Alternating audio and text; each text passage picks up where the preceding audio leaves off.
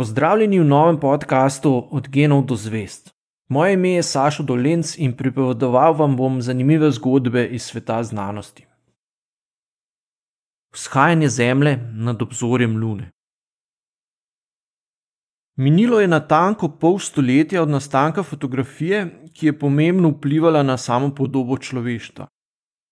Na božični večer leta 1968 so Frank Borman, James Lovell in Bill Anders, astronauti ameriške misije Apollo 8, povsem nepričakovano prisostvovali enemu izmed najveličastnejših prizorov, ki jih je kdajkoli opazovalo človeško oko.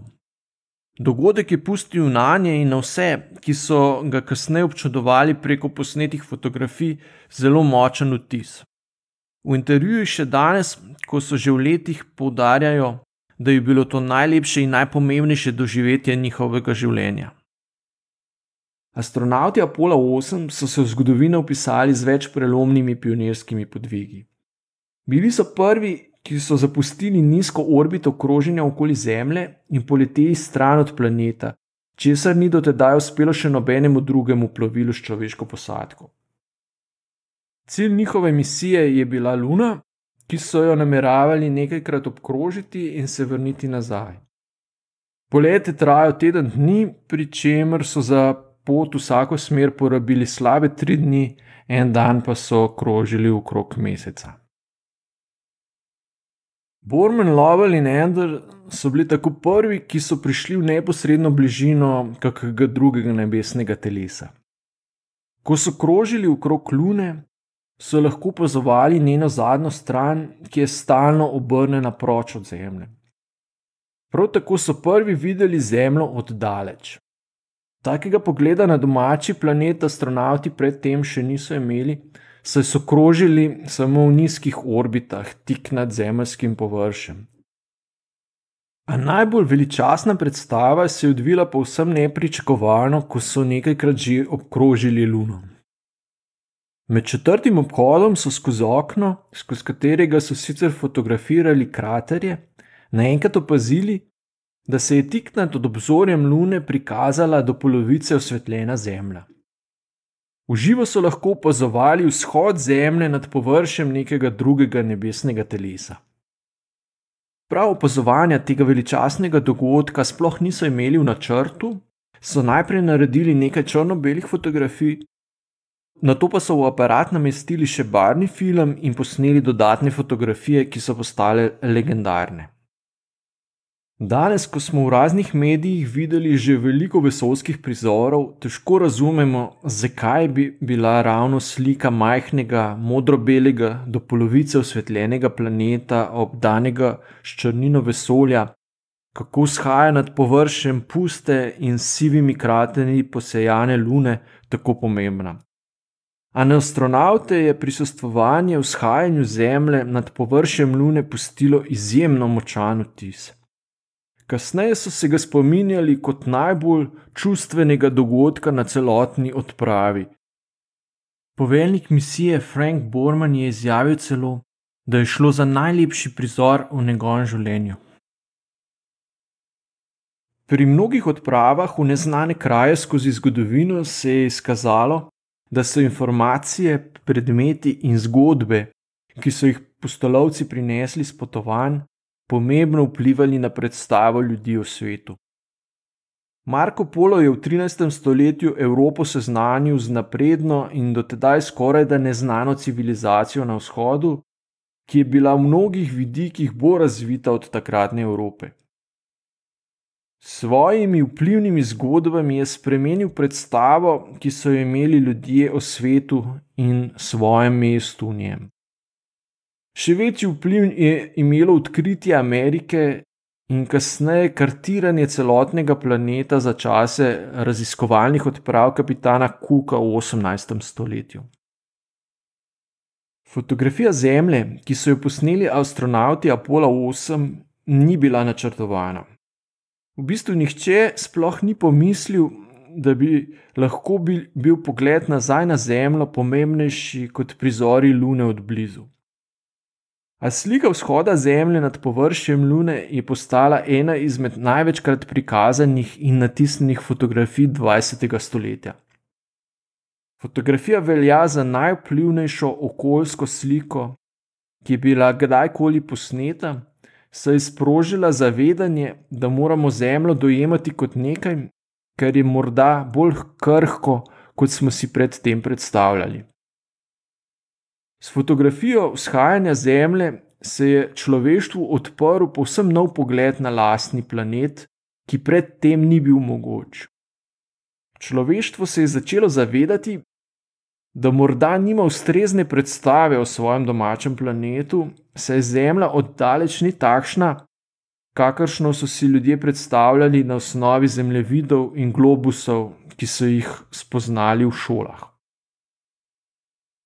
Da se je človeštvo sploh lotilo projekta Apollo, ki je dosegel vrhunec 21. julija 1969, ko je Neil Armstrong kot prvi človek stopil na površje Lune in izrekel znamenite besede: To je majhen korak za človeka, a velik skok za človeštvo, je potrovalo predvsem tekmovanje med takratnima globalnima velesilama. Uspešna izstrelitev Sputnika prvega umetnega satelita 4. oktober 1957, ki ga je z strelišča Bajkonur v vesolje poslala takratna Sovjetska zveza, je američane šokirala in prestrašila. Ne zgolj zato, ker so se bali, da so sedaj v dosegu ruskih raket, ampak ker so spoznali, da njihov tehnološki in znanstveni razvoj bistveno zaostajata za dosežki znanstvenikov komunističnega bloka. Zaskrbljenost, ki jo je v ameriški javnosti izvala nemoč ob opazovanju preletov ruskega satelita, je poskušala država umiliti z obljubo povečanja državnih vlaganj v šolstvo in raziskave. Za znanost so ZDA začele namenjati bistveno več sredstev, ustanovili pa so tudi nekaj novih pomembnih državnih razvojnih agencij, kot je bila NASA ki so bile zadolžene, da strateško usmerjajo, razvijajo in podpirajo raziskave, do katerih si država in državljani lahko obetajo koristi v bližnji in daljni prihodnosti. Do naslednjega šoka je prišlo 12. aprila 1961, ko je Juri Gagarin kot prvi človek z raketo poletel v vesolje, obkrožil Zemljo ter se uspešno vrnil na trdna tla. Od izstrelitve do pristanka s padalom je minilo le 108 minut, a prvi vesoljski polet s posadko v zgodovini človeštva je imel zelo velik simbolni pomen. Odprla se je nova doba tekmovanja med takratnima velesilama. Sprva je bilo očitno, da Sovjetska zveza zmaguje. V vesolje je poslala prvi satelit, prvega kozmonauta in prvo sondo na Luno. Podirali so rekord za rekordom. Američanom je bilo povsem jasno, da tehnološko močno zaostajajo, zato so morali storiti nekaj res odmevnega, da bi ohranili čast in pokazali, da je tudi njihov družbeni sistem zmožen velikih kolektivnih dosežkov. 25. maja 1961, le šest tednov po poletu Gagarina, je ameriški predsednik John F. Kennedy v govoru pred kongresom napovedal, da bodo američani do konca desetletja poslali človeka na Luno in ga varno prepeljali nazaj na Zemljo.